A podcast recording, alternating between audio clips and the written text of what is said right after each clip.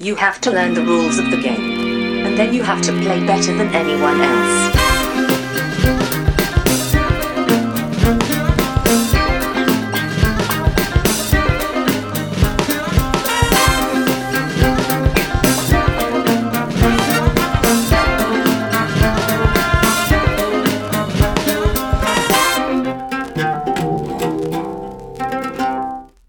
Hej och välkomna till Vems tur är mellan turerna? Podcasten där vi pratar om spel. Jag heter Marcus Brisman. Med mig har jag som vanligt min bästa vän och kollega Björn till min Benny, Johan Gärderud. Ja, nej. Ja, det finns ju, jag, jag har en bok faktiskt som heter eh, Vem är Björn och vem är Benny? Och den hand, handlar om Ja, just Sverige. det. Fredrik Lindström, va? Det kanske det är ja. Eh, det, kanske, tror det det, det borde jag veta, för jag har ju läst den. Men, eh, men det handlar liksom om Sverige. Jag fick den när jag flyttade utomlands som en så här eh, eh, present för att jag skulle minnas vart jag kom Jaha. ifrån. jag får väl helt enkelt kolla upp det här. Eh, men Jag ja, redan. men, men, och då är ju premissen då varför man säger att vem, vem är Björn och vem är Benny är att de är väldigt svåra att skilja på. Ja, Ja. fast det är de ju inte egentligen. De Nej, har inte- båda två och är med i ABBA båda två. Så det är väl det. Men, men ja, och heter något på B. Fredrik Lindström och på Hasse Pil är det som skrivit den. Ja, i, i alla fall. Ja, det visste du mer än jag. Men, men jag tänker att du och jag är väl lite, lite lättare att skilja på, tänker jag, än, än Björn och Benny. Ja, det kan man nog säga. Jag har inget hår, du har hår. Jag Ja. är jättetjock, du är inte tjock. Jag har, jag har oftast lite mer skägg än du. Nej, ganska mycket mer skägg än mig. Men jag börjar, Ja. jag börjar ta mig nu. Min skäggväxt börjar ta sig på äldre dagar. Ja, just det. och sen, vi, vi har glasögon båda två däremot, Ja, så då kan vi blanda ihop oss. Det är som de säger lite så att håret flyttar ner från eh, toppen på huvudet till i Ja. ansiktet. Ja, det, det stämmer ju för mig i alla fall. Det har ju flyttat ner permanent. Jag måste kunna säga det här nu för att det finns inga personer inblandade som, som är identifierade. Men jag var på min, Okej. min, min sons förskola idag och hämtade honom. Och då var det en, en eh, liten tjej där som sa att du ser ut som min pappa. Mhm. Ja, hur ser han ut då? Ja, han har, han har också skägg. Ni, ni borde raka er, hon. Ja, okej. eh, han brukade ha lockigt hår som jag. Men eh, nu har han inget hår alls. Okej. Så nu är han bara en korkskalle. Ja, det är bra. Det var lite insikt där. Ja, ja. Ja, Men min, min dotter var ju väldigt mycket så. Med, alltså st- stora män med skägg och utan hår, gärna med glasögon. Alla de var ju jag. Ja, när, jag okej. alltså, när hon var lite mindre. Jag var typ såhär, han ser ut som du pappa. Mm. Är det för att han har skägg och glasögon? Och inget hår? Ja. ja okej. Och Ja. det är ju det är ju så här, eh, stående skämt då att jag och Dan Hughes är, är samma person då, för vi är lika varandra. Men det är också bara så här, vi, vi är båda överviktiga, skäggiga och saknar hår och glasögon. Ja, just det. Glasögon då. Och då är vi väldigt lika varandra. Det är ju det kul då, för han fyllde år häromdagen. Och för ett tag sen så skickade han en bild till mig som han sa, är det här du? Ja just det. Eh, Mm. Som inte är en bild på mig. Och den la jag upp som en grattis till honom i Spreadlick Vårdgruppen. Med den bilden och så skrev jag bara grattis Dan liksom så här. Och jag vet inte hur många som fattade Nej, det, det verkade In-joket lite sådär. oklart. Men gre- grejen är att Ja. den här, på den här bilden så eh, håller din dubbelgångare också en tårta. Så den passade ju väldigt Precis. bra. Ja, jag tyckte det. Och så här, eh, de som har träffat mig vet ju, ser ju skillnaden. Antagligen då. Men det är väldigt likt. Alltså jag visade upp bilden för min sambo och hon bara, men är det inte du? Bara, Nej, det ser väl... Det jättelikt, närmare. Bara, Ja. När jag tittar närmare så ser jag att det inte är du. Men bilden, första anblicken är det väldigt likt. Så. Men jag, jag kan tänka mig så här. Mer likt än jag och den. Om du, skulle, och du och han skulle raka, raka er så skulle ni vara väldigt olika. Förmodligen. Ja det, ja, det tror jag också. Eh, faktiskt. Det är mycket skägget som gör det liksom. Mm. Ja, du får spara upp din sån här dubbelgångare. Ja, precis. Hur som helst, ska vi bara gå till vårt första programpunkt helt enkelt. Så Ja. vi inte svamlar iväg oss för mycket. Redan i början? Nej, precis. Ja, men exakt. vi gör så.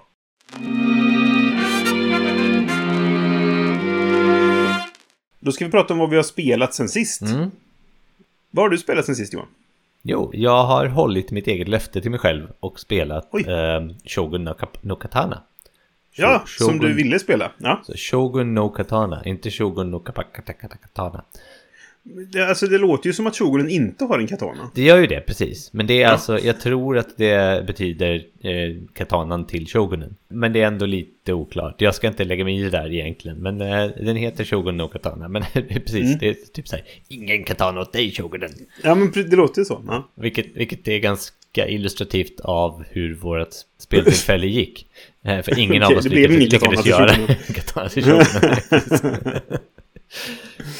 Eh, vad, vad, vad spelet är? Det är ett worker placement-spel. Du eh, spelar dina workers från din familj ut i eh, det här um, varianten av gamla Japa- Japan. Där du kan göra olika saker. Du kan gå och skaffa råvaror till din smedja.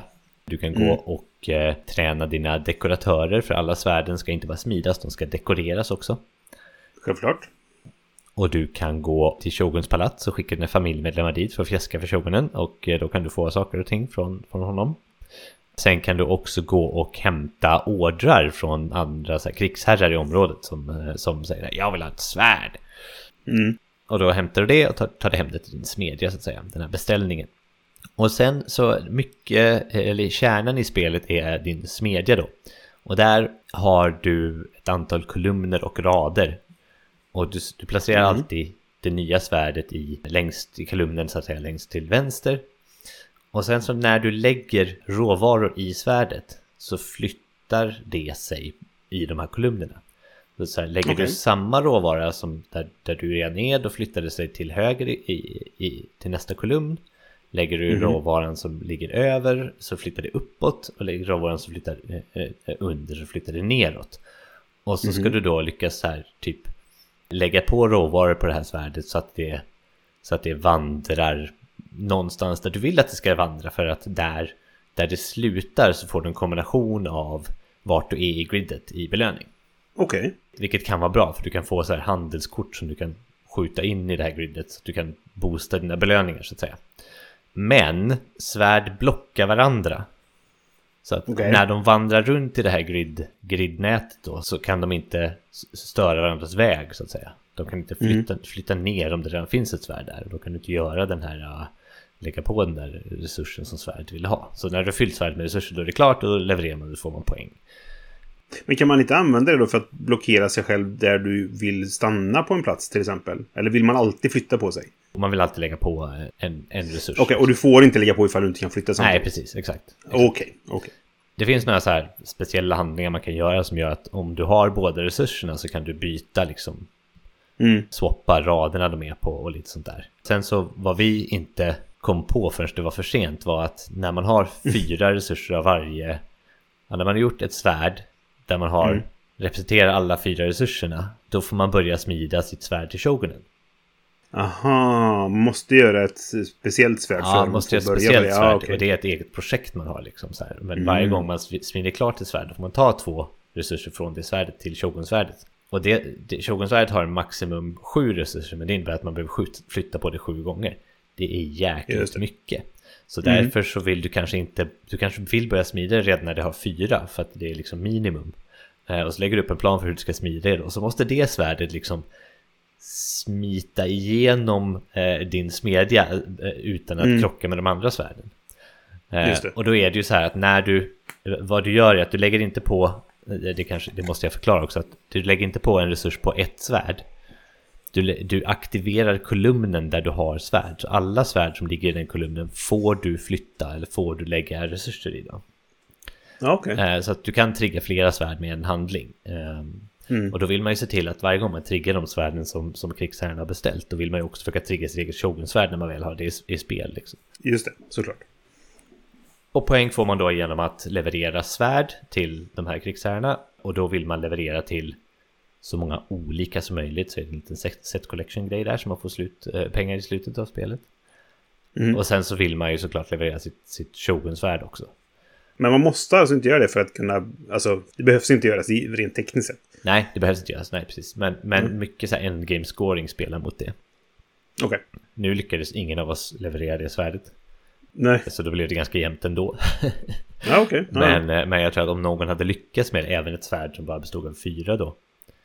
Det hade nog Mm. gjort en stor skillnad på slutresultatet. Ja, okej.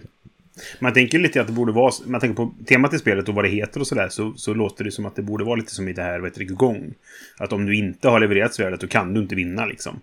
Ja, ja, precis. Det är ändå det som är syftet liksom. Ja, så kan man tänka. Men, men, men tanken är väl så här, typ, om man inte gjorde det. Jo, vänta, det är nog så att du får, du får något så här. Du får så här, eh, infamy-kort får du. Ja, eh, okej. Som är typ minuspoäng. Men, men du kan fortfarande vara med i, i liksom scoringen. Just det. Ja, men det kanske är bra egentligen då för att man ska kunna liksom satsa på lite olika saker och sådär. Ja, precis. Jag vet inte exakt hur många olika saker man kan göra. Man kan göra svärd på Okej. olika sätt och samla olika resurser för att få vinna. Men jag tror inte det finns så jättemånga olika strategier i det. Det handlar mycket om att få ett pengaflöde och det, det får man genom att casha in svärd och eh, dekorera dem framför allt. Mm. För har man inte dekorerat sitt svärd så får man inte så här särskilt mycket för det när det är komplett. Liksom. Så det, det, det är lite sådana där kombinationer man måste göra med svärden innan man är redo att leverera det. Mm, mm. Och sen finns det lite andra saker som typ så här munkar som gör lite kraftfullare actions. Men det måste man betala för och, och lite sånt där. Okej. Ja, summan är ett ganska trevligt eh, worker placement-spel. Men jätte, alltså det är så här, spelar man det första gången så kan man inte vara särskilt effektiv. Utan det är en sån här grej som man verkligen måste lära sig Mm. Hur, hur det funkar. För att liksom annars så kommer man ja, komma efter. Det är verkligen att optimera varje handling. Och det känns, det finns sån här handlingar som att gå till marknaden och köpa resurser. Det känns som en jättelos handling liksom. Eh, Men Ja, man ja. måste göra det. I alla fall i början innan man har hittat något sätt att få in resurser på på annat sätt. Ja, okej. Men jag, Ja. jag tyckte att det var... Alltså jag vill spela det igen så att jag har liksom fattat det. Och sen så vill jag Mhm. spela det en gång till när jag har fattat det för att kunna bli bättre på det. Men sen så vet jag inte riktigt om det var så bra. Men det, det, the jury still out. Mm. Ja. Okej, okej. Ja. ja, spännande. Men kul att du fick spela ett spel också som du ändå hade sett fram emot. Ja, eh, precis. I Ja. tidigare avsnitt. ja, eller hur? Eh, Och ganska länge innan dess för att... eh, Kick, Just det, ja, du hade ju nämnt det två har gånger, varit, hur? Ja, precis. Kickstarten har varit Mm. på gång ett tag. Precis. Det är ett jättefint spel för övrigt med små Mm. fina miniatyrer och sådär. Så att, ja, jag- Ja, jag kollade på bilden. Det såg intressant ut. Ja, men det, är- det är kul. Men jag, jag måste spela igen innan jag har fått en mera så här komplett bild av det. Ja, ja. Du då, vad har du spelat? Ja, jag har spelat Come Together. Det här eh, festivalspelet som vi ändå nämnde i förbifarten i vårt förra avsnitt. Ja, just det. Mm. Angående eh, trender och, och sånt. Ja. Sådär. Och det, det handlar alltså om, om alltså, Woodstockfestivalen är det väl mellan raderna då så att säga. Det, det sägs ju inte rakt ut då, men, men det är ju typ en, en musikfestival på 60-talet. Tematiskt är jag inte riktigt med, för det verkar som att alla ordnar sin festival i festivalen på något sätt. För alla har sitt eget lilla bräde där man gör som en, en festival och har egna scener som man ska ha upp eh, artister på och så vidare. Ja, men alla, Eh. alla workers går och sover på samma plats i, i slutet. Ja, precis. Så Ja. man är på samma ställe men Ja. ändå så... Ja, jag inte. Jag är väldigt kluven till det här spelet. Mm. Grunden gillar jag.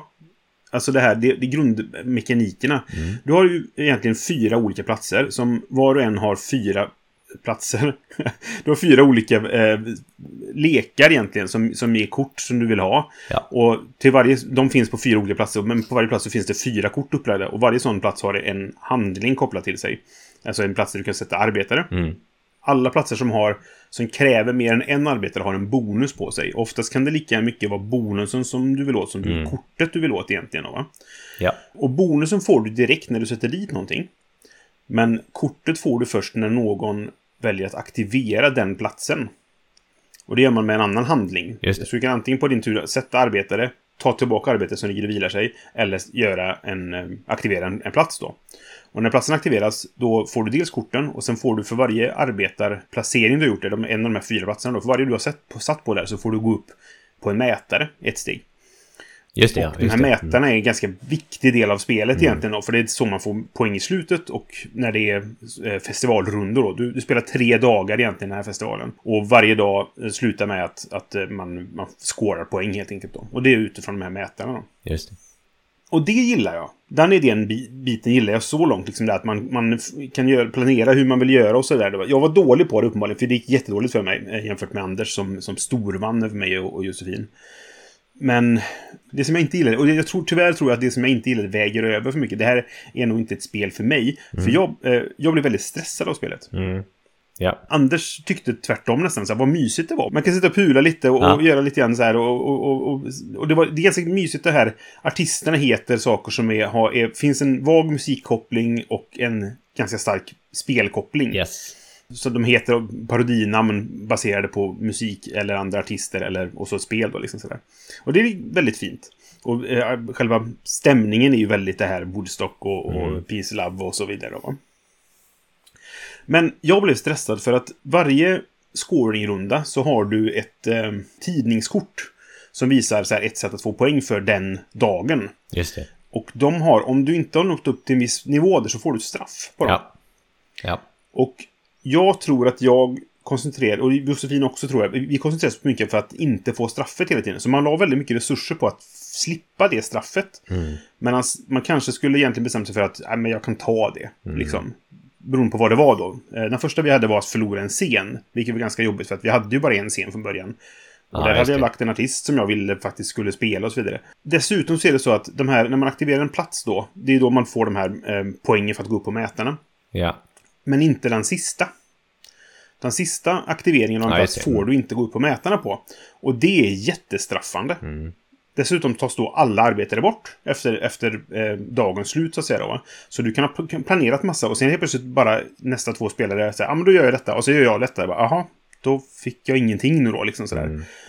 Och dessutom, som grädde på moset nu då, så kan det vara väldigt elakt i vissa fall. ja, det kan det vara. Du kan ju bestämma och avsluta Omedvetet elakt kan det vara också. avsluta en sån här Ja. plats bara för att eh, du kan se vad den andra vill göra och så kan du liksom göra... Ja. Nej. Ja. Ja, exakt. precis. Nej, men precis. Och det var precis det som hände. Anders gjorde det mot mig två gånger. Båda gångerna var det inte för att han ville straffa mig, utan mer för att det här var bra för honom också. Ja, okej. Så det var inte något, ett, ett elakt drag medvetet, liksom. Men det, det, det sköt mig verkligen i sank. Mm. Första rundan, eller första dagen, så var det... Jag skulle göra två spelningar och jag skulle få ganska mycket poäng. Nu blev det en spelning med nä, nöd och näppe, liksom sådär. Mm. För att han lyckades ta vid rätt tillfälle då, så jag inte fick någonting av hur det nu var. Va? det sammantaget så är det fler negativa liksom, punkter än vad som är positiva för mig. Vid första, vi har bara spelat en gång. Mm. eh, Och jag, ska, jag måste spela det igen för att liksom kunna göra en ordentlig uppfattning. Då. Så jag ska Mm. testa solomodet också och lite sådana grejer. Då. Men hittills vet jag inte om jag gillar det så mycket. Mm. Men det, det är nog som sagt min spelarpersonlighet. För jag, jag gillar inte när man kan sabba för varandra. Även ifall det är omedvetet. För jag bygger upp någonting och så kommer du och bara jaha, det blev inte som du hade tänkt dig. Synd, liksom så här då. Och det är inte jag så förtjust i. Och sen så det här, jag, jag, jag gillar inte när det är... Ja, men när det kan helt plötsligt bara... Du hann inte göra detta. För det blir jag stressad av. Ja, det, det. Mm. gillar ju inte jag i spel då. Det, det, jag kände också så här... När vi var klara så var det så här, hur lyckades Anders så bra? För han hade gått mycket längre i flera mätare och vi diskuterade ganska länge Mm. hur vi hade kommit... Vi, vi, efteråt var vi så här, fan vi skulle gjort ett avsnitt av första intrycket på detta. Liksom. Vi hade en jätteintressant diskussion efteråt. Och det här var ett sånt spel som jag... Jag brukar vara ganska bra på att, att ähm, greppa spel första gången jag spelar dem. Men det här gjorde jag inte det. Okej. För inte, inte ens när spelet var slut så hade jag riktigt så här, vad ska man göra för att det ska bli bra i det här Ja. spelet? Ja. Och det, jag hade ju samma problem med Teletum när vi spelade det nere i, i, på Spil, eller Mm. ESN. För det var också typ så här, när vi var färdiga, bara nu typ greppar jag det. Men det var inte heller ett spel som passade mig, min spelstil, eller min spelsmak då kanske. Så jag vet inte, börjar jag liksom tappa gnistan sådär? För, för att förstå spel? Jag vet inte. Ja, det tror jag inte. Nej, så det, men jag, jag vill testa det igen för att jag gillar grunden i det. Och kanske funkar det bättre för mig som ett solospel då. Ja. Eventuellt. Men det, jag, jag vet inte hur det, solo, hur det funkar. Det kanske är så att AI-spelaren är elak också då liksom. Jag vet inte. Obs nu då att e Anders var inte elak. Nej. Han, Nej, det nej, var nej. omedveten elakhet. Ja, att säga. precis. Ja. Mm. Men jag kommer ihåg av det här spelet så... Vi spelade ju helt fel. Ja, ni hade artisterna kvar. Ja, vi hade artisterna kvar Mm. bland, så att de spelade så flera dagar hos oss. Och det, det tycker jag vi kämpade rätt mycket med. Eh, och då gör man ett sånt fel så, så är det ju så här att ja, men det balanserar sig själv då eftersom att alla, alla andra gör samma fel. Alla gör fel. Ja, men det, precis. det Mm. var liksom så här, okej, kanske inte det var 90% representativt av spelet i alla fall. Så här. Men Ja. vi, vi, vi reflekterade över det här sen när vi kom på det där. Att liksom så här, okej, om vi inte hade låtit... Fan vad jobbigt det hade varit. Alltså om vi hade... Ja. Om, eh, eh, om artisten hade försvunnit varje dag tänkte vi så här. Just det. Men jag känner lite som du, jag tror inte jag uppfattade så mycket negativt men inte heller så mycket positivt. Alltså jag, det, det, det, det fångade en känsla, det var en intressant mekanik med det här med de här platserna och trigga med workers och sådana här saker. Mm. Men jag vet inte om det var tillräckligt intressant för att jag tyckte det skulle vara någonting extra liksom. Så att, ehm, Nej, ja, men jag skulle nog kanske vilja spela det igen med, med rätta regler då för att se hur det Ja, egentligen precis. är då. Mm. Just det. Ja, nej, för jag, jag vill inte avfärda det direkt heller, för jag, jag tyckte inte det var dåligt. Nej. Eh, Nej. Det var bara att en, del saker inte passar min, min spelsmak och jag, jag tror att jag inte riktigt... Jag tänkte fel. För något som jag brukar vara dålig på i spel, det är det här att läsa av vad vill du göra nu Så att jag kan åka snålskjuts på det. Och det tror jag är ganska viktigt i det spelet. Anders sa det att det, det var någonting han försökte analysera hela tiden. Liksom. Jag hade fullt upp med att förstå vad jag skulle göra. Ja, just det. Ja. Och, och sen vet jag att jag satsade lite för mycket på det att jag måste få upp det här tidningsvärdet så att jag slipper få minuspoäng för det. Liksom. Ja. Och det vet jag att han medvetet struntar i. Två dagar av tre. ja, det vet jag att Så jag ja. Mm. kämpade med också, men det lyckades jag ganska bra med av någon anledning. Jag kommer inte ihåg varför, men... Ja, Jag fick faktiskt poäng i en av rundorna, ganska mycket poäng också. För att jag hade satsat på det. Ja, jag vet inte, men ehm, ja. Nej, så Come Together, det får spelas igen innan jag kan bedöma det helt. Ja, det är lite samma eh, med båda spelen här. Att vi behöver spela dem igen för att vi var Mm. inte helt övertygade första gången då. då. Så att det Nej, ju- men precis. Eh, ja, där ser man. Ja. Då går vi vidare till vårt huvudämne. Vi kör.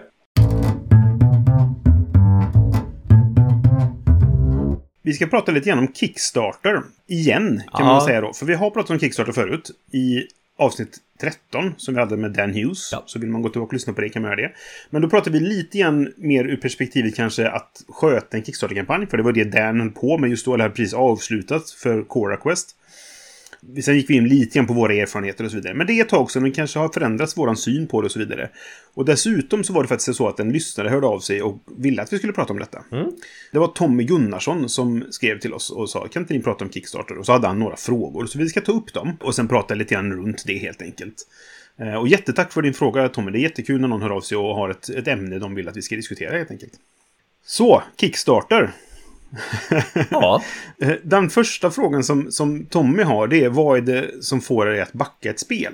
ja. Och jag vet vi kanske ska prata generellt om hur mycket vi backar och sånt egentligen. ja det är en Eh, ganska bitig för- fråga. för Ja, precis. Jag skulle, jag skulle Ja. vilja dyka lite djupare när jag besvarar den frågan faktiskt. Om, Mm. om, om vi säger så. Vi, vi, vi återkommer till frågan då, så pratar vi lite grann kanske allmänt om våran eh, erfarenhet Ja. av Kickstarter. Precis, Eh, där kan det vi kom, börja. det, hans andra fråga är vad har ni för erfarenheter? Vi kan ta den först då helt enkelt. Eh, vi svarar på andra frågan först. Vad har ni för erfarenheter av Kickstarter? Jag har ju backat rätt mycket på Kickstarter. Känner jag. Eh, Same, om, same. om man tänker så här. Över tid. Mhm.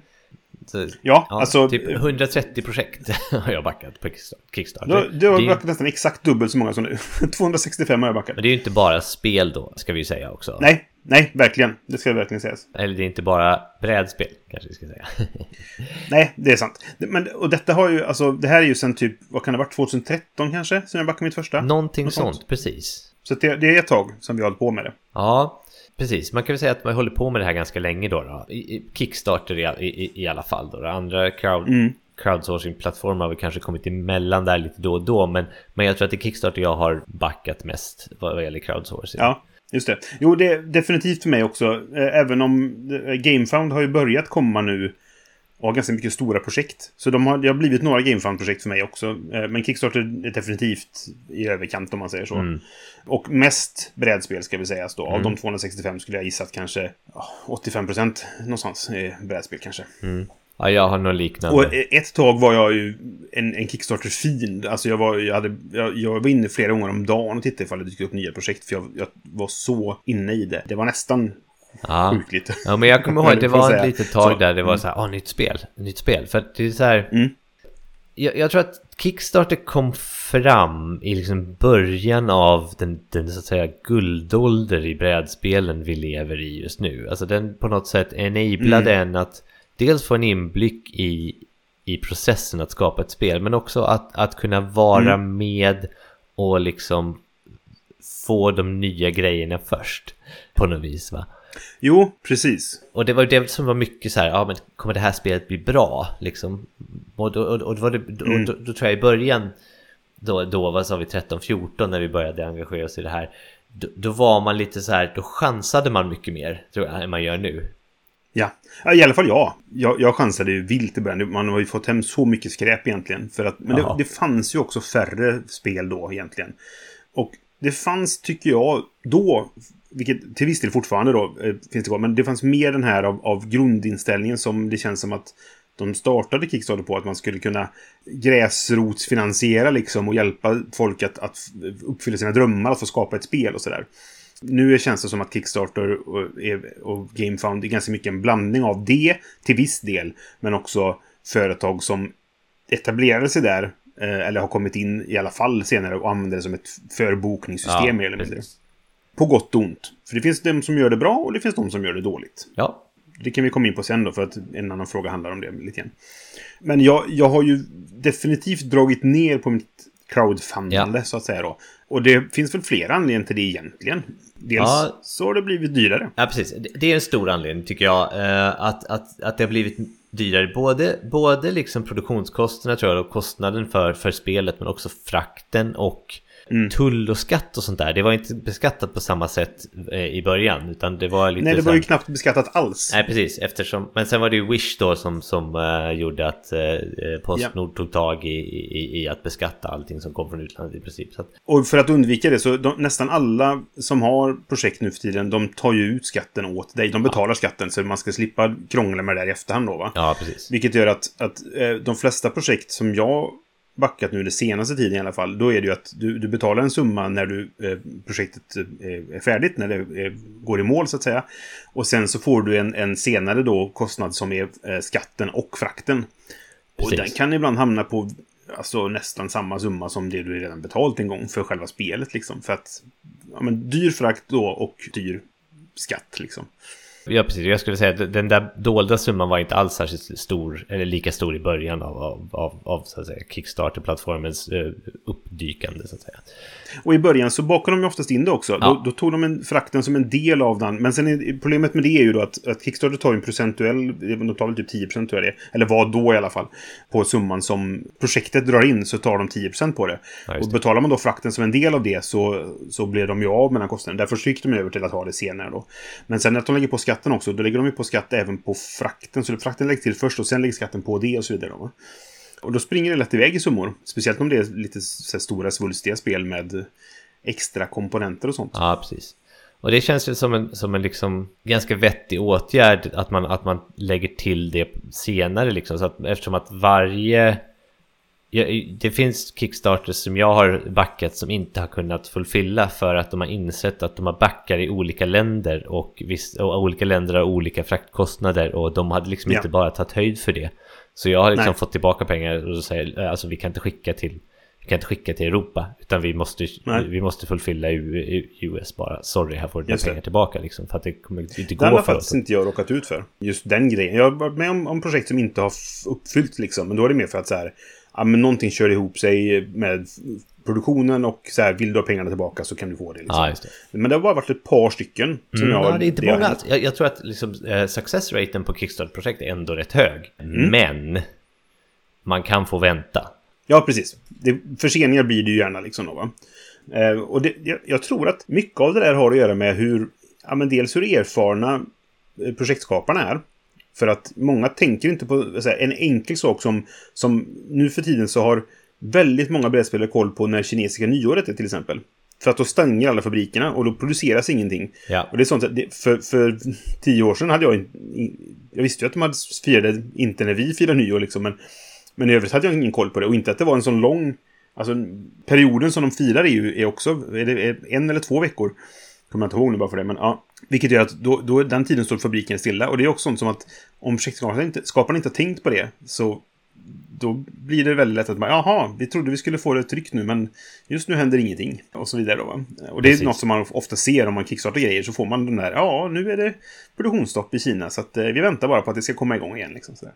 Jo, men verkligen. Så det, det är väl... eh, Det är väl en sak som, som, som man har blivit liksom både bättre och sämre på. Jag, jag tror att den Mm. största delen av Kickstarter, eller säga brädspel produceras i Kina.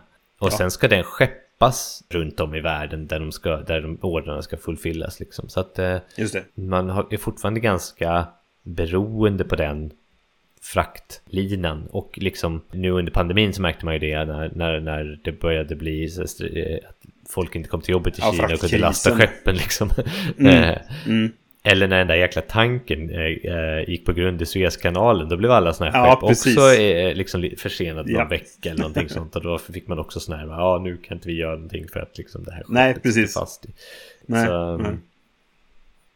Nej, Ja. så att, eh, personligen så backar jag betydligt färre grejer nu för tiden än vad jag gjorde förr. Och det, det är delvis ekonomiska anledningar, men även att jag känner så här att jag kommer inte kunna spela alla spelen ändå. Liksom, så där. Och mycket av det som det kommer till retail, alltså till butik. Så att är det någonting man vill ha så går det att få tag på det liksom ändå. I, eller så köper man det begagnat. Ja, det, tycker, det tycker jag också är en, en liten skillnad nu. Att nästan alla spel som är, eh, vad ska jag säga, som blir successful på, på Kickstarter kommer till butik. Det, så var det inte alls i början tyckte mm. jag. Utan man kunde få tag på Nej, ganska verkligen. spel som var... Det var ju, det var ju mera, mera, så att säga, chans att ett spel skulle vara mm. bra eller inte. Även om, även om det var liksom 100-200% fulfilled. Eh, det vill säga att man har fått in 100-200% mer av pengarna som man frågar efter för att kunna få mm. fylla det. Det är ju oftast lite så här, man kan se det som en liten kvalitetsstämpel så här, okej, okay, det, här, det här spelet har tusen procent liksom. Ja, det är många som vill ha det, mm. då är det förmodligen kanske bra då, då.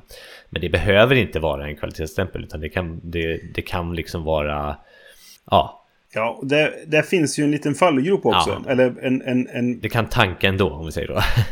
ja, men det, framförallt så finns det ett sätt för företagen att bluffa backarna där. Mm. Och ja. det finns de som gör detta väldigt medvetet.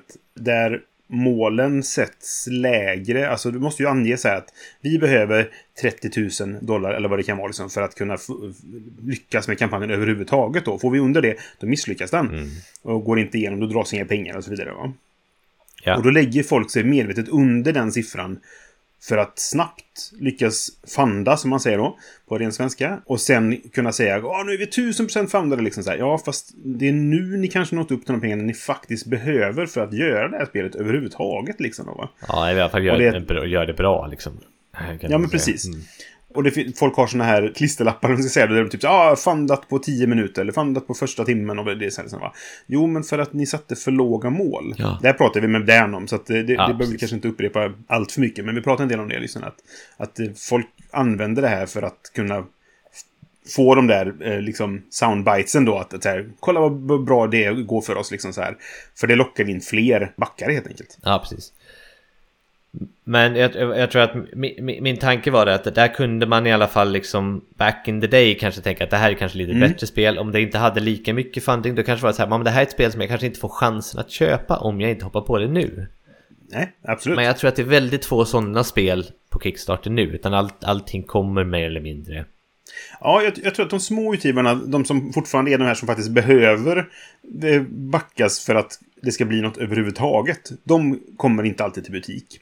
Nej, men jag, jag tror att det är större chans eftersom att det finns, ja. det finns flera, flera fulfillment centers nu. Flera, ja. flera liksom företag som har specialiserat sig på att jobba med rädspel som, som gör att det går mm. lättare för en, en, eh, en liten publisher att distribuera eh, to mm. scale. Mm.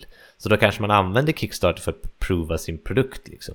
Och sen så, så kanske så, så får man råd att ta det till butik liksom. Men men mm. Eh, förr i tiden så kanske det var lite hit and miss liksom. Man kunde få ett jättebra spel eh, men det visade sig att man bara hade liksom råd med en printrun i alla fall. Sen så kanske man måste mm. göra en till Kickstarter för att göra liksom second edition eller någonting för att överhuvudtaget ja, få ut ja. det till, till, i, i, nästa våg. Eh, istället för att kunna äga den processen själv då. då.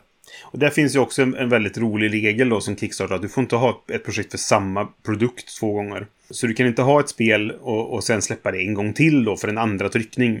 Och det de gör då oftast är att de släpper en, en expansion där du dessutom kan köpa grundspelets andra tryckning. Och sådär. Så därför man ofta ser så här att har inte det här spelet varit redan? Jaha, nej vänta nu, det var en expansion alltså. Ja, just det. Ja, men vad bra, då kan jag få chansen att köpa grundspelet då. För det fick ju massa eh, alltså exponering då när, när grundspelet kom till de som backade första gången. Och det blev populärt och folk pratade om det. Och så vill alla andra ha det. Så gjorde jag med Gloomhaven till exempel. Ja, precis. Jo, jag. Det, det, det backade ju den andra tryckningen då. Ja. Och jag kommer inte ihåg vad de ändrade då för att det skulle bli en andra tryckning. Men ja, någonting var det väl i alla fall.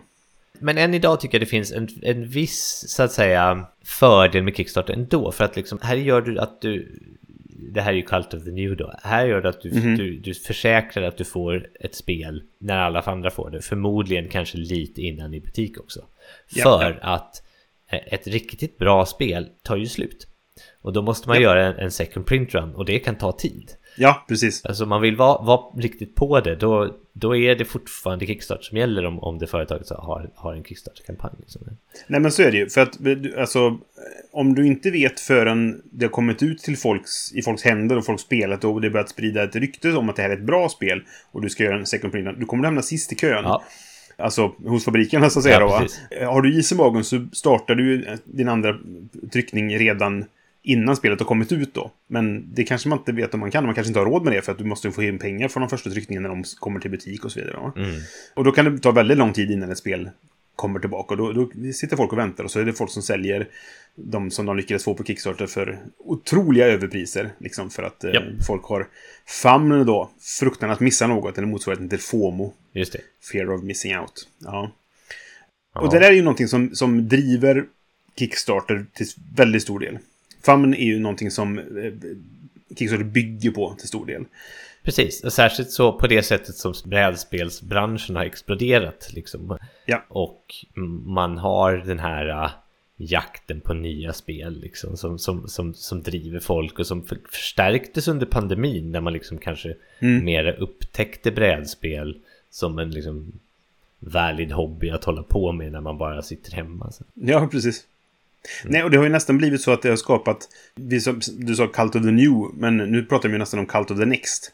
Som är att jag, det är spel som jag inte... eh, Jag går vidare till nästa spel innan jag ens har fått det förra spelet. Ah, ja. För att eh, man lever på Kickstarter då. Sådär. Ja, precis. Eh, Famn är ju någonting som driver Kickstarter som sagt. För att det, det Många projekt har ju det här med att det finns exklusiva saker som du bara kan få i den här kampanjen och du behöver backa den nu annars kommer du aldrig se det och så vidare. Va?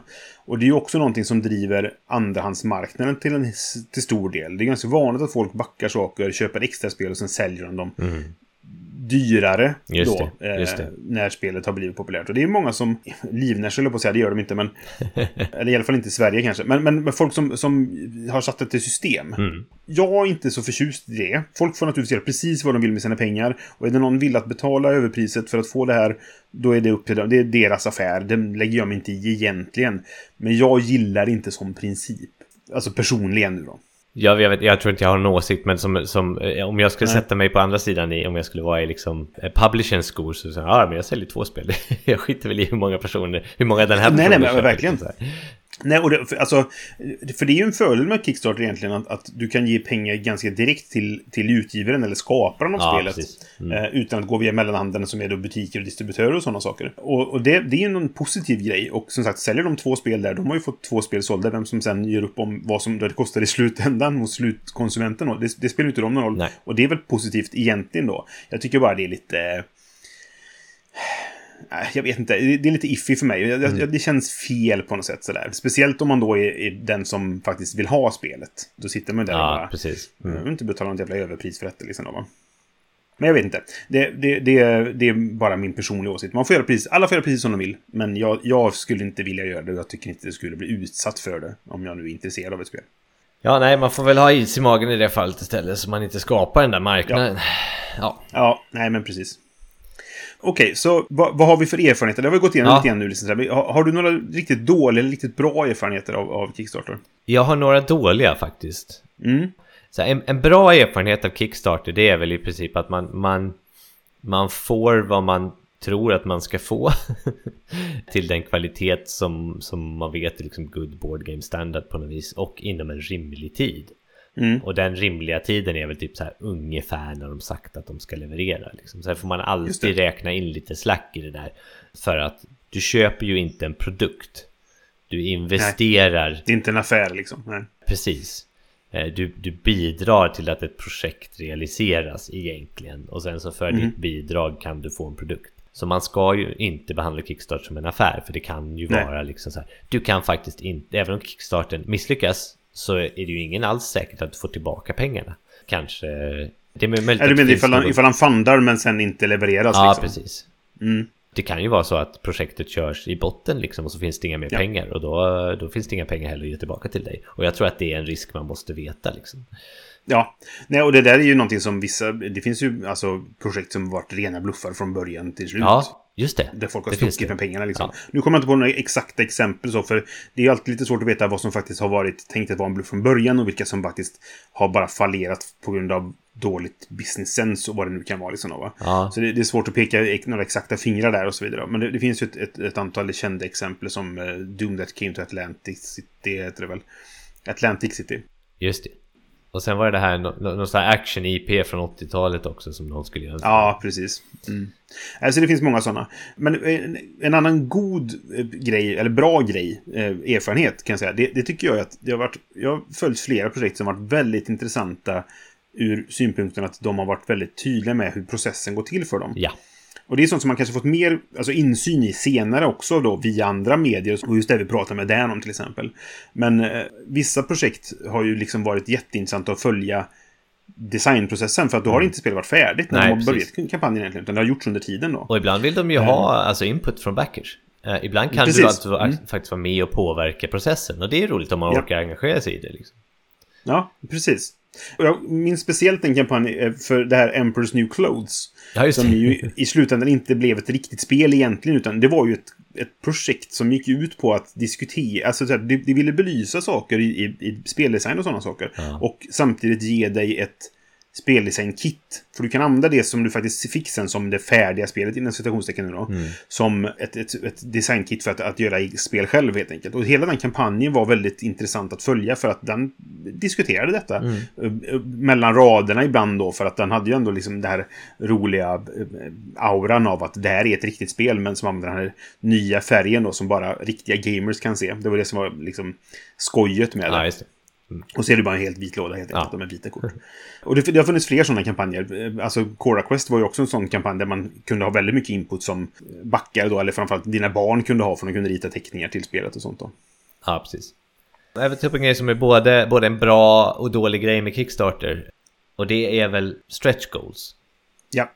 Och det är väl kanske, jag vet inte om, om, om, om, du har tänkt dig, om vi har glidit in på bra och dåligt eller det här bra och dåliga Jo, erfarenheter? precis. För en annan fråga som, från Tommy var ju då så här, vad är bra och vad är dåligt? Ja. Och det, vi har varit, varit lite fram och tillbaka där, så vi tar det nu också. Vi, vi tar frågan helt enkelt, vad får oss att backa spel sist? Ja, Så kan vi Precis. ta. Men, men bra och dåligt, ja. Ehm, och stretch goals är, det är ju väldigt tvegat. ja, eller Kan man hur? säga. Man kan ju se det på många olika saker. Man kan säga wow, jag får en chans att, att liksom blinga mitt spel. Eller liksom för i samma process få mera content än jag egentligen behöver. Nej men så här, typ Ja, så här, man kan få typ så här expansioner och grejer liksom i den, i den till det första spelet. Det, det är ju klart en perk liksom. Uh, Mm. men, men samtidigt så kan det också vara ett, ett svärd för att liksom, det kan också vara någonting som gör att spelet blir försenat för att man inte hade planerat de här Mhm. stretch goalsen och att det krävdes ny plats i lådan eller någonting för alla stretch goals man, Ja. man, man kom med och sånt så att den grejen finns det ju Och också. det är kanske inte alltid speltestade grejer Nej. som du faktiskt får i slutändan. Precis. Utan det här var något de slängde in bara för att... Det, vi, oj, vi behöver fler stretch goals. Ja, jag hittar på detta då liksom så här. Precis, och distributören här har ju ett stor press på sig för att alla har ju stretch goals och ju mer stretch goals du har ju mer fina grejer Mm.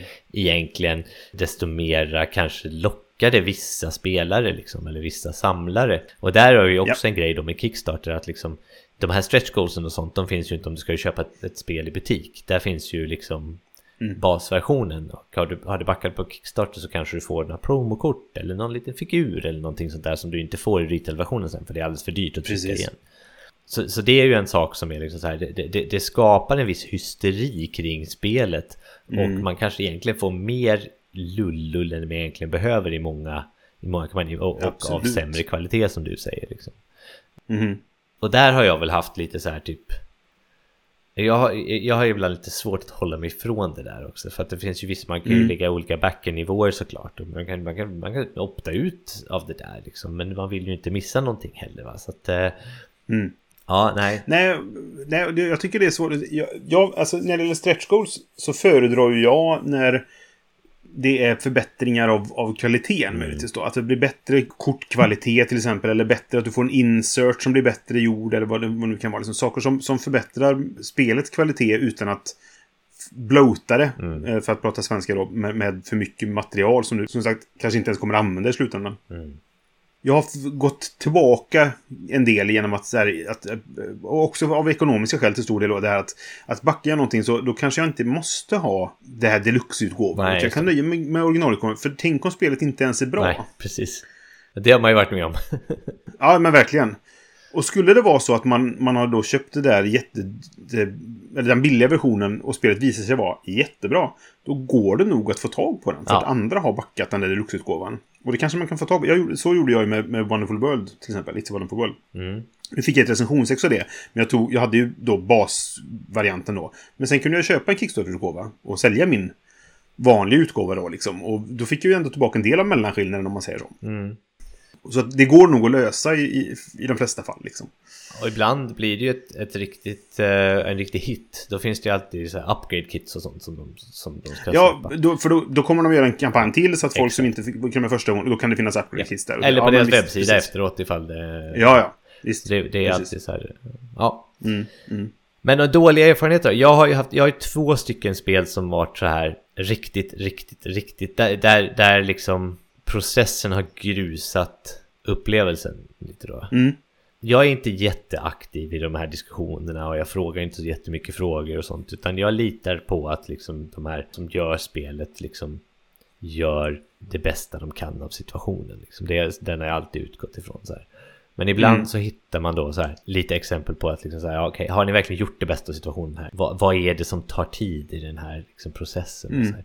Jag har specifikt två spel som jag, som, som jag har liksom framförallt har väntat jättelänge på innan jag fick Ja. dem.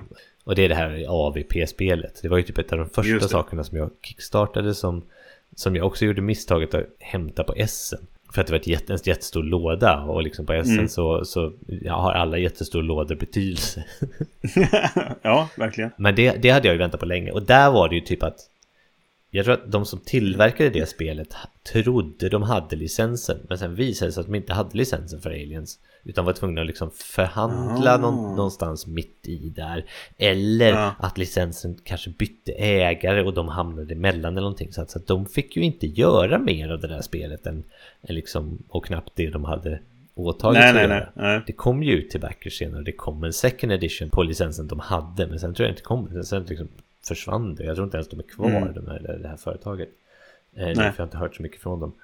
Så det, sträcker, det stretchar ut processen otroligt mycket. Liksom. Ja. Det andra spelet var det här kaffespelet. Ja, the Bean. Sista bin, ja precis. Mm. Och det var ju så här, det var för spil efter spil. Alltså man, man såg de där killarna med sitt demo-ex på så här flera spil i rad. Typ tre stycken eller någonting. Ja, något sånt var det. Mm. Eh, och de kunde aldrig få ur sig spelet. Vi såg det på ett par spel före kampanjen. Ja, Och sen på lika många till, typ efter kampanjen. eh, Mer eller mindre, innan den lever- levererades liksom. precis. Och det, det var så här, jag, jag vet inte exakt vad det var. Jag skulle kunna kolla upp det säkert i alla meddelanden från, från dem. Men, men jag vet inte exakt vad det var som, som sket sig där. Men, men, och, och de hade en så här, typ så här lite klämkäck attityd som att det är inget fel här utan det bara tar tid. Liksom så här, men ja, jag har ju fått så här hundra spel emellan att jag backade ert spel. Och, så det var så här, när, Man vill ha viss transparens liksom. Ja, ja precis. Men, men ändå liksom så här att man ska äga sin... Mer, mer information. Ja, man ska Ja, äga precis. Ä- processen och äga sina misstag Mm. och säga att liksom nu lär vi oss. Och det kände inte jag med den där, med den där kampanjen. Nej.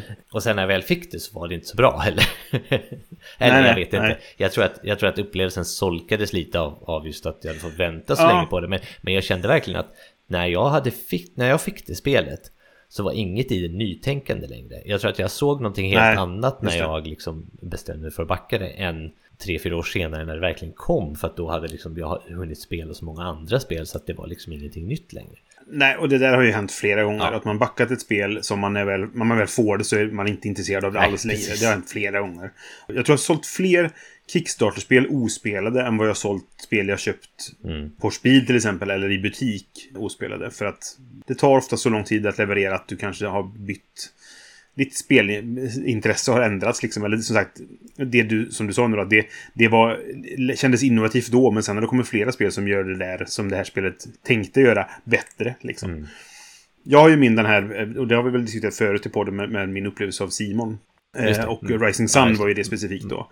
Och, det- och det var ju mitt fel egentligen. Jag, jag hade ju helt enkelt missat att göra färdigt den här Pledge manager? Eh, Ja, men precis. Eh, och hade inte gjort, gjort det sista steget där så att säga. Då? Och därför så fick jag inte mitt spel. Och dessutom så skulle det då skickas från USA istället. Så jag fick ju betala frakt från USA.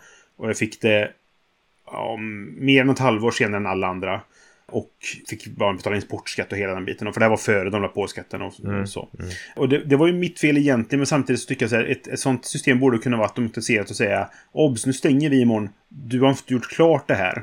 Det borde inte vara så svårt att ha ett system som säger det. De gick ut och sa så här, kolla så att ni har gjort klart den. Och jag var inne och gjorde det, men det var, jag, den var inte helt tydlig, tycker jag då. Jag får ta på mig ganska mycket av skulden själv. Jag, lite av det kan jag skylla på dem. Så.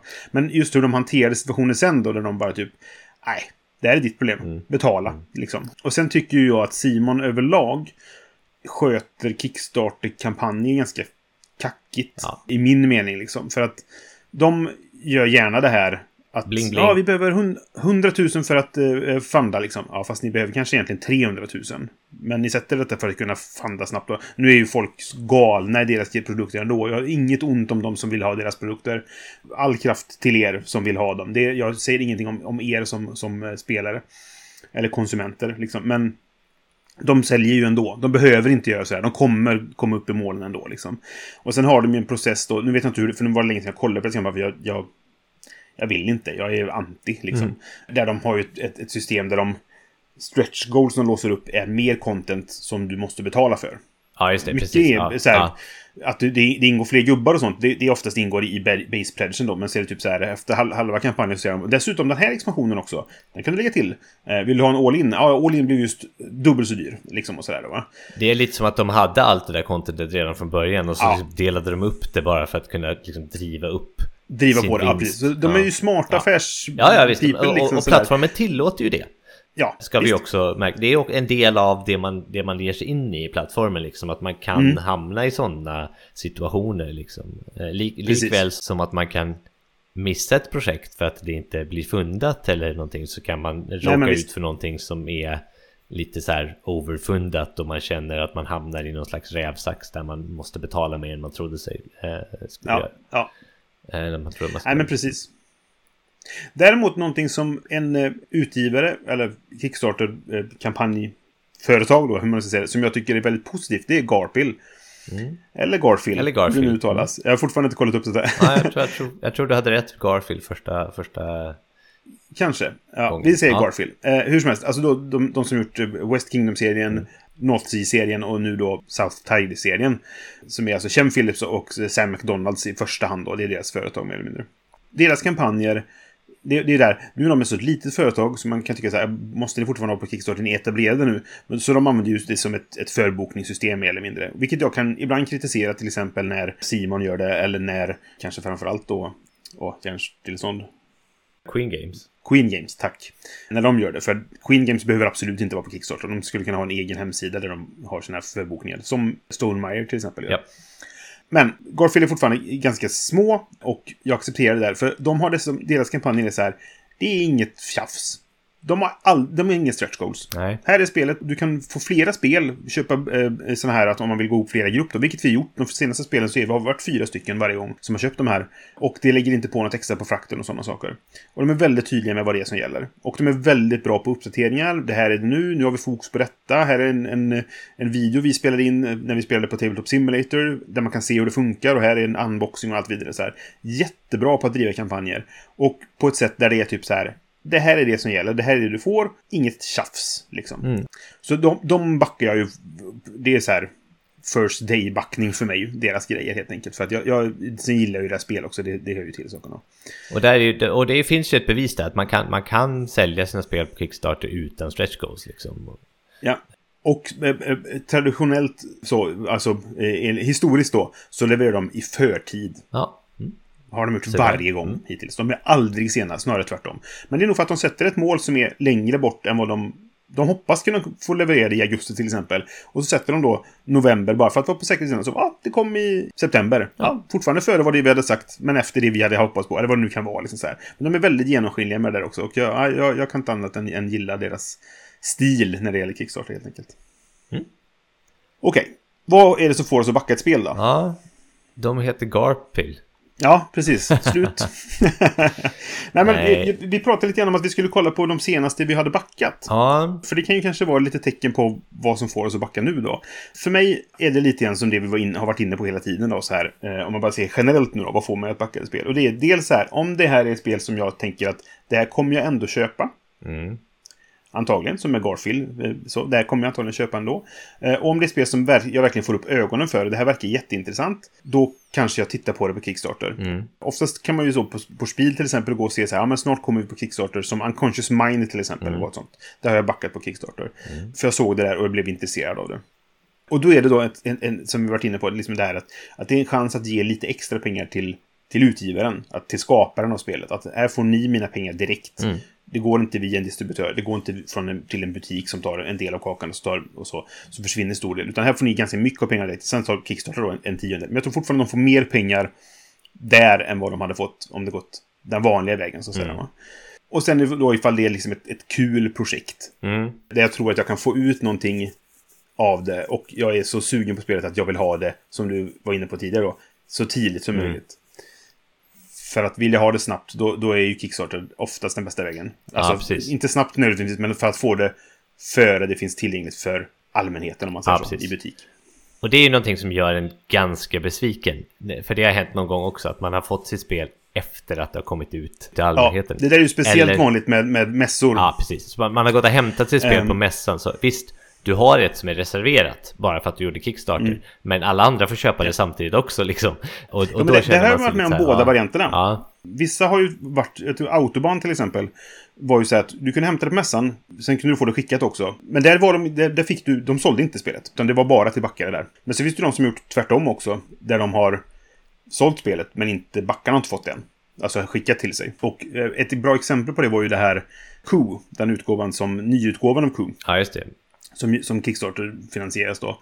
Där den, jag vill, man fick erbjudandet att hämta den på, på mässan om man ville. Jag ville inte det för att vi hade beställt 13 stycken ex. Och det var en så stor låda som jag inte ville släpa hem då. var för att alla på mitt jobb skulle ha, vi spelar ju det här spelet hela tiden på mitt jobb. Så alla skulle ha ett ex då. Och andra kompisar och så vidare då. Och jag frågade det här sen hur de... För att de, jag tyckte inte de var så transparenta med varför de gjorde som de gjorde. Jag förstår ju varför de gör som de gör. För att man kan, kan man få spelet och sälja det på världens största spelmässa, då gör man det. Ja. För, Ja. för att inte gå miste om den, den intäkten då, så att säga. Va? Men man kan ju vara tydlig med det och säga det här är anledningen till att vi gör så här. Jag ber om ursäkt. Det, blev, det körde ihop Ja, sig med, precis. med liksom frakten och så vidare. Och det gjorde inte de tyckte jag. Och då frågade jag och då fick, blev jag ombedd att aldrig någonsin backa deras saker igen. Mer eller mindre dra åt helvete, sa de till mig. Och det är ju ett sätt att hantera sina kunder också. Kunder, ja, precis. Ja. Ja. Nej men eh, det- där är nog eh, en grej som du får lite på gott och ont också på Kickstarter. Du får, du får egentligen Mm. en direkt lina till spelutvecklaren. Och det har du Ja. inte om du går och köper ett spel i din liksom, FLGS. Jag kan tänka mig för spelutvecklaren så är det så här, vill man ha input på sitt spel då är det en jättebra kommunikationskanal. Vill man, Mm. vill man ha sitt spel testat, ja men lägg ut en, en print and play-variant och så här, få feedback under tiden. Men du Ja. får också säkert en jäkla massa gnäll. Ja, jo men det, det, absolut så är det ju. Det, och det, vet jag, det pratade Dan om också då. Nu, nu hade inte de så mycket gnäll där, men att han, han, han har ju pratat med många andra som gjort Kickstarter-kampanjer. Och, och mängden gnäll som folk får, motiverat eller inte, den är ju enorm verkligen. Ja, precis. Och därför tycker jag det är viktigt att det måste man ju vara beredd på. Och man måste ha... Mm. Jag tror att en, en, en Kickstarter som har en bra relation till sina kunder, det vill säga är öppna och ärliga med att något har gått fel till exempel och liksom är timely i sin kommunikation oavsett om den kommunikationen är dåliga nyheter eller inte så är det bättre än att bara hålla tyst eller som du säger be sina kunder att, att, att gå och dra något gammalt över sig. Det är liksom inte bra för att ska du göra en till Kickstarter så, så är det liksom, Men det är också en aspekt du inte får som du inte ens ser när du köper i en, i en, i en eh, Nej, lokal nej, butik. Va? Så, så där är ju en stor grej och det är det som du säger, jag tror att det är en, det är en, det är en väldigt stor grej varför man backar in på Kickstarter. Att jo, man har den där relationen eller man har sett den där transparensen i ett, ett företag som ger ut ett spel på Kickstarter. Då är det mycket lättare att ta beslutet att backa dem. För att vad man egentligen Mm. har att gå på det är ju typ en introfilm som kan vara typ ja, hemmagjord på någons Mac eller så kan det vara ganska professionellt producerad, det vet man inte riktigt. Mm, men den mm. kommer ge, ge dig ganska lite information om hur spelet spelas och om man inte har kommit ganska långt i processen eller Mm. har ett färdigt spel. Och då undrar man lite så här, har du ett färdigt spel, vad gör du på Kickstarter? Nej men precis. Och då kanske det är en anledning till att inte backa sig. Men sen kan man titta också lite på så här, det, det finns ju en, eh, oftast ganska mycket bilder på prototyper och sådär. Jag är ju en sån som går igång på, på bild hur ett spel ser ut. Ja, det kan jag visst. tycka var Mm. liksom så här, Ja, och, nu är det här, ett, det här ett exempel som funkar på dig också, men det finns ju ett spel som heter Museum som hade art av Vincent Dutré och det var egentligen Mhm. bara hurvvis med olika föremål som kan finnas på ett museum, både liksom kända Ja. och okända saker. Som, som Mhm. var en av våra favoritartister har suttit och ritat då till det här spelet. Så det var ju, där har man ju liksom 50% av, av övertalningen Mm. gjord redan när man hade den grejen liksom. Precis, ja. Det står fortfarande ospelat i min hylla. Ja, jag har spelat det. Ja. Det är sådär. Men, ja, det har jag fått uppfattningen Ja. också. Därför har det inte riktigt eh, suktat efter nej, bordet. och där fanns det ju en, en, en, jättemycket olika expansioner man kunde köpa på sig också. Ja. Eh, och det gjorde jag bara Jag köpte några. Cthulhu-expansionen. Ja, precis. Men, ja. Och där har jag bara köpt några. Men det spelet har inte jag sett sen dess till exempel. I butik eller Jag tror det kom kort i butik. När, precis när det kom så var det väl några som kom till butik. Eh, Sen har det nog inte riktigt synts så mycket, nej. Men det, de, det är Holy Grail Games heter de väl som gjort det där. Och det, det är dels, är deras grej. De gör nästan bara spel via Kickstarter och på mässor. Precis. Jag har fått en känsla av Och liksom. det är ju en anledning också att vara liksom Mm. lite aktiv på Kickstarter. Man får ta på de spelen då. Jo. Och sen det sista jag skulle bara kolla på. Man, har ju, man kan ju supporta på olika levlar. Liksom. Man, som du säger innan, man kan ha, man kan ha ett paket med all in. Mm. Eller så kan man ha ett paket med bara just the basics. Och det beror lite på kampanjen vad som erbjuds där. Ibland, ibland, finns det bara en nivå. Och då, då är det det man får. Ja. Liksom. Och ibland finns det olika nivåer. Och så här, ju fler nivåer desto jobbigare är det att ta ett beslut, tycker jag. Ja. Så, här, så att... Eh, Ja, det är jävla snårskog ibland. Ja, alltså att, så här, vad ingår i vilket paket egentligen? Och vad får jag här? Och vad, vad får jag inte här? Och det var, vad var det? Det var någon, någon, något rollspel. Där det, var, det var en hel matris som var liksom så här typ att ja, om, på den här nivån då får du detta. Ja. Men inte detta. För det får du på den här nivån. Men då får du inte det du fick på den nivån. Men om du tar den här tredje nivån då får du alltihop. Men inte den här just grejen. Och det, och, det, och det var någon sån här... Det var någon som... Du kunde köpa det bara digitalt och så kunde du köpa bara tryckt. Och det fanns inte ett sätt att köpa det både och. nej. Nej, Och då, man, då är det så här... hur, hur, hur funkar det ens liksom? Vad ska jag göra? Men, ja. Nej, då är det ju svårt liksom att... i- ibland så kan man... kan jag tycka att då blir det för komplicerat. Så kan man tänka, ja men då kan jag Ja. vänta på det här spelet. Eller så här, ja, jag, men lite så. Jag struntar i det. Ja. Och sen om, som du säger då att typ okej, det, här, det här spelet är rätt dyrt. Så här, det kanske kostar 150 dollar liksom. Mm. Ja, okej. Ja, men jag får ganska mycket för det kan man sitta och tänka där.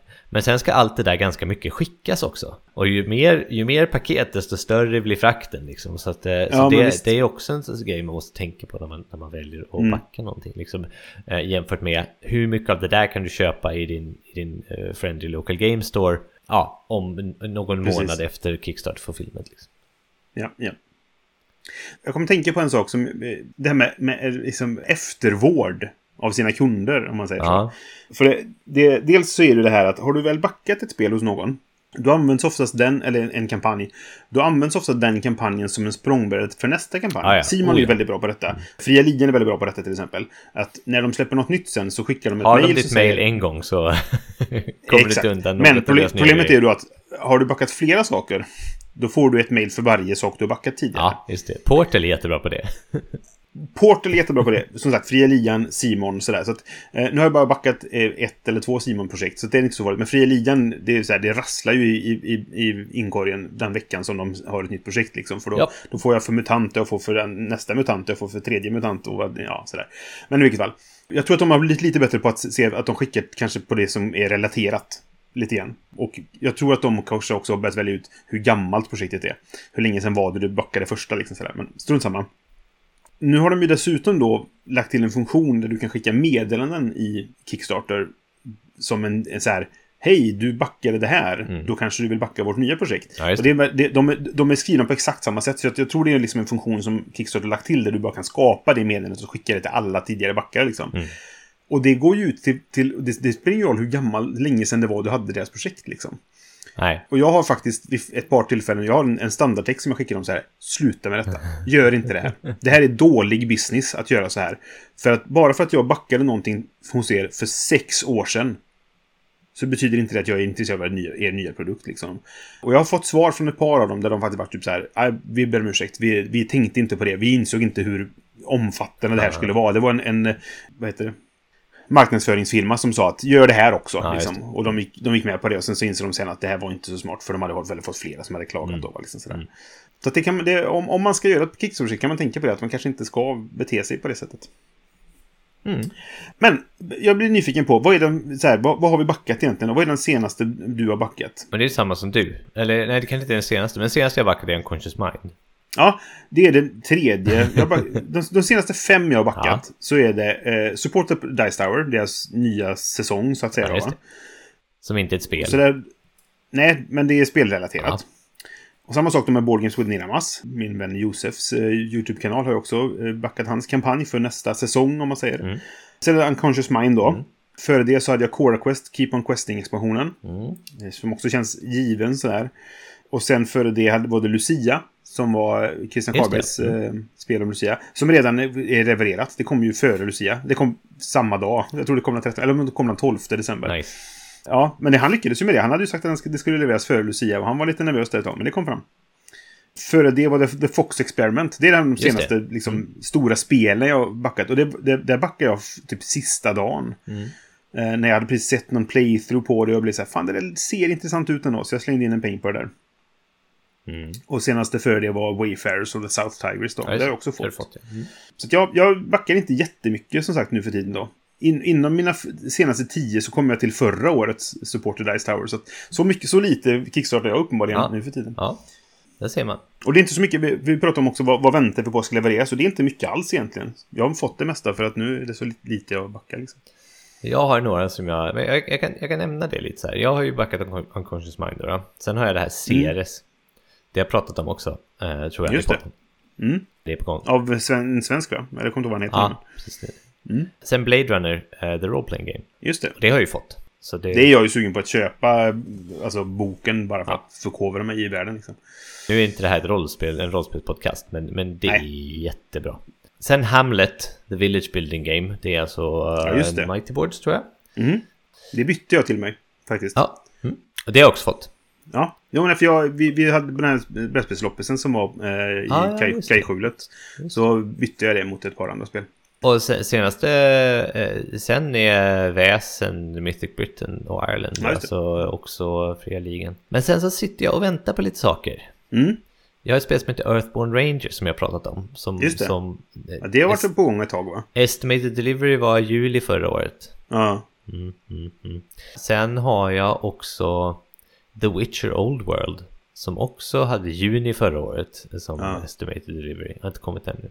Nej, Nej men Det- det, ja, det här händer ju Ja, rätt precis. ofta faktiskt då. Så jag har lite som jag sitter och väntar på. Sådär som, som har varit ja, Mm. liksom, lite st- större pjäser som inte har kommit ut ännu. Men, ehm, men det är kul när de dyker upp också. det blir lite Jo, men som det är det ju. julafton. Men det, alltså, det var ju så ett tag när man backade mycket grejer. Då, då kom det ju ett par, tre paket i veckan. Och, ofta var det så här, vad är detta då? Vilket av dem är detta? Jag har ingen aning. Nu för tiden är det ganska tydligt, men de, de är ganska tydliga med att nu skickar vi grejer liksom sådär. Men då var det inte Jag alltid tycker man ändå fick- det är svårt ibland. Så här. Ja, jo, visst. Nej, och så är det verkligen inte nu. Det är lite synd, för det var ju kul när man fick paket med spel då. Men ja, jag sparar väl en del pengar på det helt enkelt. Ja, du gör väl det. Det är, det är en stor grej med Kickstarter, just det här att liksom det, helt plötsligt dimper ner något som du, du var inne på det, som du hade glömt liksom. Mm. Och så, jaha, ja just det, ja, det var ju kul.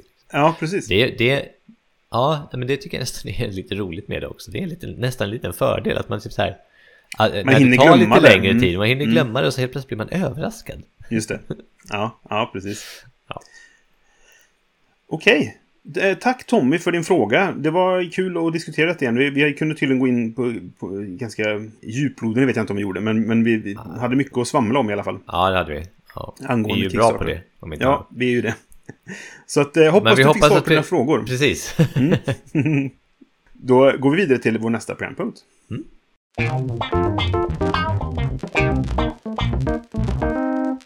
Vi har kommit till inte ett speltips-tipset. Där vi ska tipsa om någonting som inte är ett brädspel, får man väl säga då. För vi tipsar ju om spel Vi har ganska smugit ofta. in några dataspel faktiskt. Ja, precis. Ja. Ganska många vid det här laget tror jag. Men, ja. ja, kanske det. Jag ska tipsa om en tv-serie som Ja. är, den är lite svår att se för den finns bara på Apple TV då. Men eh, den går säkert att hitta på andra ställen också. Eventuellt beroende på hur mycket man tänjer på sin moral. Ja. Och det är Severance. Ja. Som alltså är en serie av Ben Stiller bland annat, tror jag. Som handlar om, jag ska inte säga för mycket nu då, för att stor del av min eh, behållning av den här serien är att man får utforska den och se att man, att man till stor del inte fattar någonting om vad som händer i den. Har du sett den? Nej, jag har inte sett den. Jag har hört Okej. talas om den, men jag har inte Ja. sett den. Nej, eh, jag, den var ju svår att få tag på då. Men tills Mm. nu har jag äntligen lyckats, lyckats få liksom, tillfälle att se den här då. Och den är jättebra verkligen. Den Mm. är verkligen jättebra. Det alltså, i, kortfattat, och det här får man reda på ganska tidigt så, så, så handlar det om, om ett företag där de gör en process med de anställda som heter Severance då. Mm. Där de eh, skiljer på deras arbetstid och deras fritid så att säga i hjärnan. Så att när de kommer till jobbet då kopplas deras jobbpersonlighet på, deras inni som det kallas då. När de går hem igen så då glömmer de bort allting de har gjort under dagen på jobbet. Och samma sak tvärtom då, när de är på jobbet så minns de ingenting om sitt liv utanför. De har Okej. ingen aning om vilka de är utanför jobbet helt enkelt. Mm. Och det här får man ju då utforska och så här, vad har det för effekter och hur är det och sen så det finns så här, det finns några eh, mörka hemligheter som man kanske vill utforska också så här. Eh, och det är ju väldigt stor del av, av, av behållningen med serien då. Så här, vad är det som händer egentligen? Jag gillar ju det här mindfuck-grejen när man inte vet vad som pågår riktigt sådär. Och väldigt snyggt gjord, väldigt bra karaktärer, välspelad och så vidare. Och sista avsnittet på första säsongen nu då är magiskt. Verkligen. Magiskt alltså? Ja, det, det är alltså inte... De trollar inte med trollstavar. Nej, nej, okej. Men, men, nej, men det, det är så bra gjort. Man är som klistrad, verkligen, vid eh, Ja. sin skärm. Så Okej. jag, jag kan verkligen rekommendera. Det är- bland det bästa jag sett på tv på länge. Alltså. Hur många Fantastisk säsonger är det? Ja, det, det finns bara en än så länge. Ja, den, den, okej. De ska, det, alltså, så som första säsongen slutar så kommer det en säsong två. Det, det är väl redan bestämt och sådär. Ja. Men, men eh, hittills så finns det väl bara en då helt enkelt. Och jag tror den är på åtta eller nio avsnitt tror jag det var.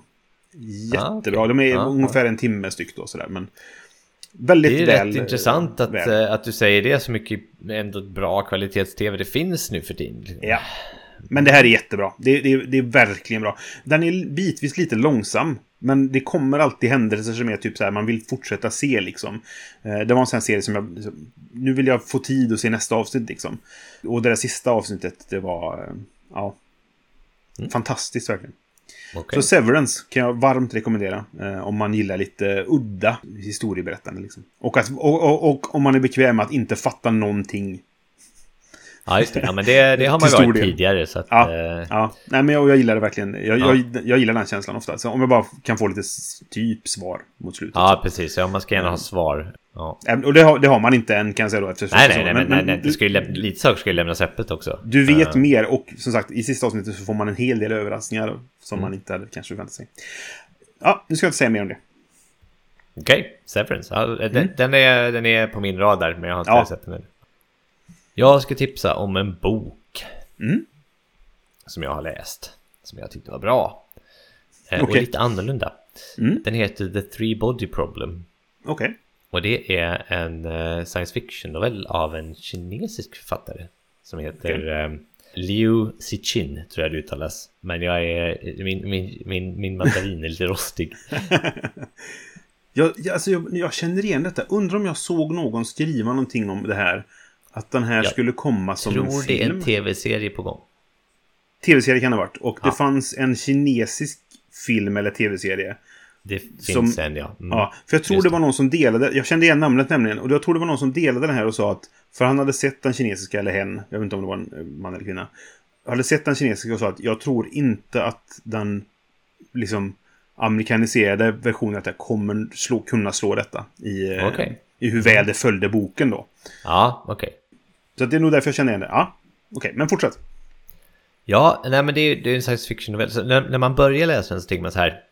Det här är inte science fiction, för den börjar på typ så här Mm. Mao-tiden och så här revolutionens Kina och eh, Mm. mycket så här intellektuella som blir typ straffade på olika sätt om de viker från doktrinen liksom. Och, och, och, och den miljön så, så odlas liksom det första fröet till bokens stora handling då. Okej. Det första är liksom så här, man får man får så här, vad är det här? Man här, Hur Ja. kan det här vara science fiction? Men så börjar det by- bygga upp då till, till någonting som är ganska intressant. Och nu har jag ju läst ganska, nu har jag läst klart boken och jag har läst ganska mycket. och Jag vill inte avslöja för mycket egentligen om det. Men, men det handlar egentligen om att man får kontakt med en, en annan civilisation. Okej. Och det handlar lite om hur man får kontakt med den civilisationen och lite till och från vad man vill med den. Och så handlar det om ett, eh, om ett dataspel också. som Mhm. en av huvudpersonerna kommer spela. Där man, det, det är liksom en, en värld som byggs upp. Och så av olika anledningar så, så förstörs alltid världen. Den, den, den, det slutar med att den förstörs på något sätt. Och då kommer man olika långt i civilisationen varje gång. Ja, okej. Och det är upp till spelarna att liksom lösa varför det här händer. Mhm. Då finns det en, en, en plats i boken som är ganska intressant där man man har, det är typ en, man har kommit till medeltiden någonting så här, i, i, i typ Kina och eh, man Mm. behöver räkna en ganska avancerad eh, ekvation. Eller ganska, för man vet liksom att okej, det- vi måste tillämpa det här för att få reda på, liksom, för att kunna förutspå vad nästa liksom, hän, händelse är. Och vi just måste göra den här, och då behöver vi en dator. Och det Ja, har vi liksom inte. Nej. Så, så de, vad de gör är att de tar kejsarens armé och så lär de soldaterna hålla uppe olika eh, färgade flaggor. Ja. Så att de skapar liksom eh, digitala portar helt enkelt. Ja. Och sen får de ställa upp sig på en stor, jättestort fält i typ som ett kretskort. Ja. ja. Och, och, så, och så får de så här instruktioner och så står de och håller liksom uppe olika symboler och så, så finns det någon i, in, i, i, i början på så här det fältet som ger en instruktion och så i slutet så finns det någon som skriver ner den instruktionen på en, på ett, på en pergament. Ja, just det. Och den pergamentet utgör då hårddisken så att säga. Ja.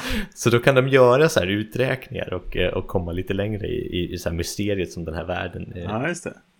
Men det, det är liksom bara en aspekt av den där boken då. då. Ja. Men, men det är rätt intressant så här, hur de håller på och itererar på det här. De ska lösa det, vad, vad som händer i den här världen. De, det finns liksom varför alla civilisationer går under helt enkelt. Liksom. Mm. det, och det verkar inte ha någon logik i sig. Men, men man, man har olika teorier som de håller på att pröva. Då. Ja, just det. Ja, Det är sånt där som jag inte riktigt spännande. förstår. Det här du, att, att du kan bygga en, en fungerande dator inuti Minecraft och sånt.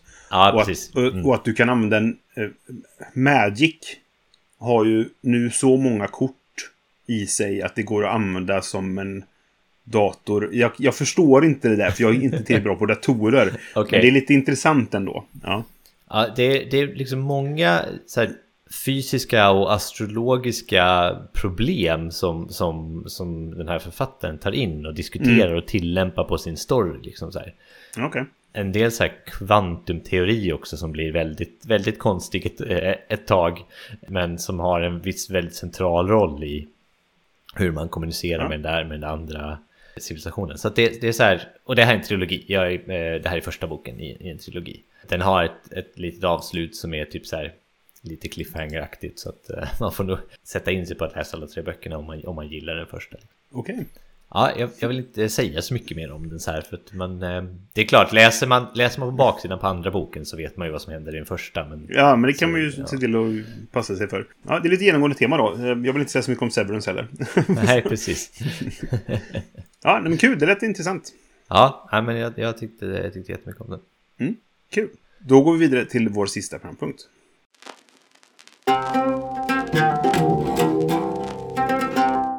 Då ska vi prata om ett spel vi ser fram emot att spela någon gång mellan nu och universums värmedöd.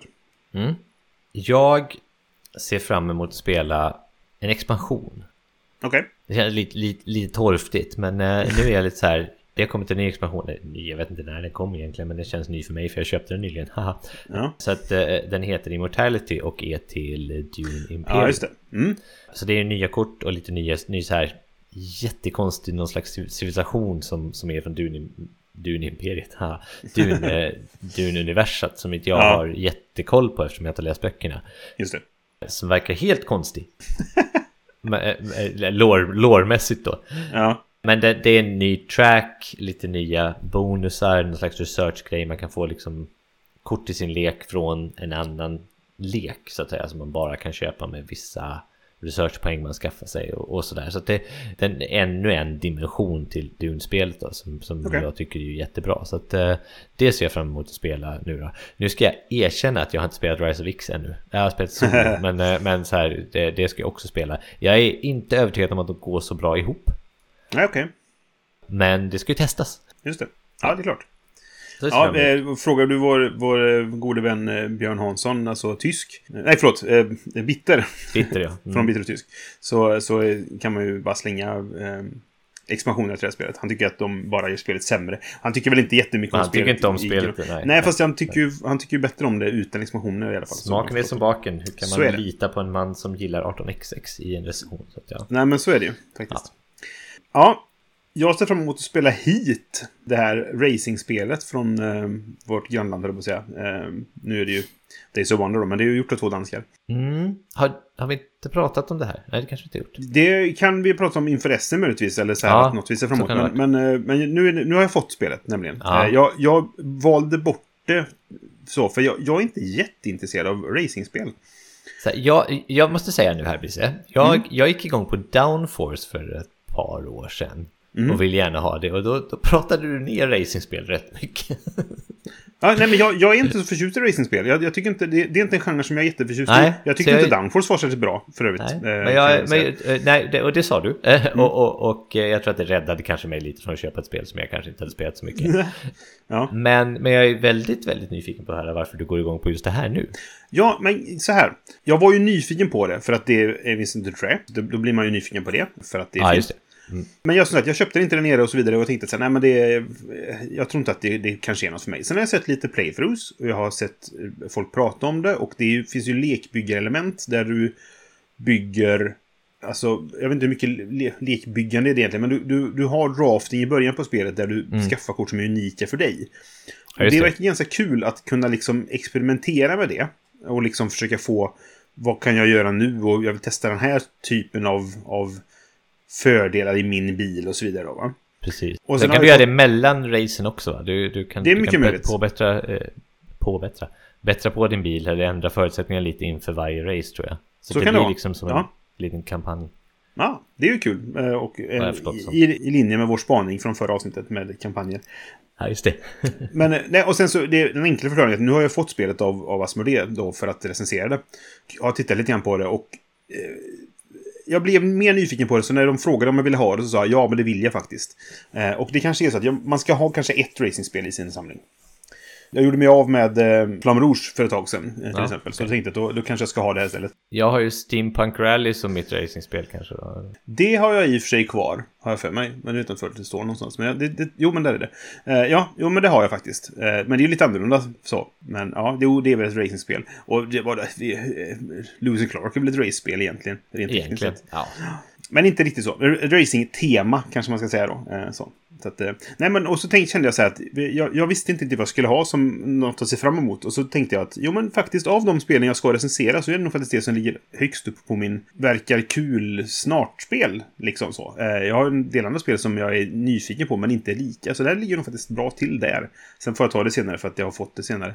Så får man, man får ta det lite i ordningen man, man har fått tag på dem. Mm. Men jag tänkte att det, det är värt att nämna i alla fall. Just kanske för att jag har, har sagt tidigare då att jag inte var så intresserad av det. Men nu har mitt intresse eh, ökat för hit. Precis. Jag tror att det är ett spel som eh, inte tar särskilt lång, särskilt lång tid att spela. Ett race tar Nej. inte särskilt lång tid att spela heller. Så jag tror att det kan vara en bra liksom... Jag vill inte säga filler, men en så här lite, Nej. lite mera... Vad ska vi kalla dem? Filler plus. Ja, ja nej, men precis. Alltså spel som kanske tar eh, en timme att spela eller sådär. Mm. Mm. Ja, precis. Nej, men det verkar i alla fall den. Och som sagt, jag, jag såg en, en playthrough. Det var, jag såg väl på, det var Dice Tower tror jag. Och det verkar spännande. Det verkar kul helt enkelt. Eh, Och, och inte så, ja men lagom avancerat för vad det ger dig liksom sådär. Mm. Så att eh, man kan laborera en del med det, men det är ändå ganska mycket så. Om man får chansa lite, det är lite att utmana ödet där med kurvorna och sådana saker. Så att, eh, Mm. ja, nej men jag, mitt intresse växte helt enkelt. Så det vill jag nämna det. Kul, ska bli kul att höra när du får spela det, vad du tyckte. Ja, jag får återkomma helt enkelt. Mm. Men okej, då är vi väl klara för den här gången. Eh, återigen tack Tommy för din, ditt förslag till ämne. Och har du som lyssnar nu tankar om någonting du skulle vilja att vi pratar om så får ni jättegärna höra av er. Ni kan nå oss antingen då genom att kommentera på våra avsnitt när vi släpper dem eller om ni vill kommentera på vår hemsida. Vi finns på spelradio.se. Det finns även på spelradio på Facebook. Ni kan mejla oss på brisse.spelradio.se eller johan.spelradio.se. Eh, vi finns även på Spotify ifall man vill lyssna där istället. Där heter vi Vems tur är det? Vi vill jättegärna ha tankar och förslag och funderingar helt enkelt. Om ni har kommentarer på det vi pratat om nu eller på saker ni vill att vi ska prata om. Musiken är gjord av Robin Landahl och våra illustrationer är gjorda av Gary King. Vi hörs nästa gång. Hej då! Hej då!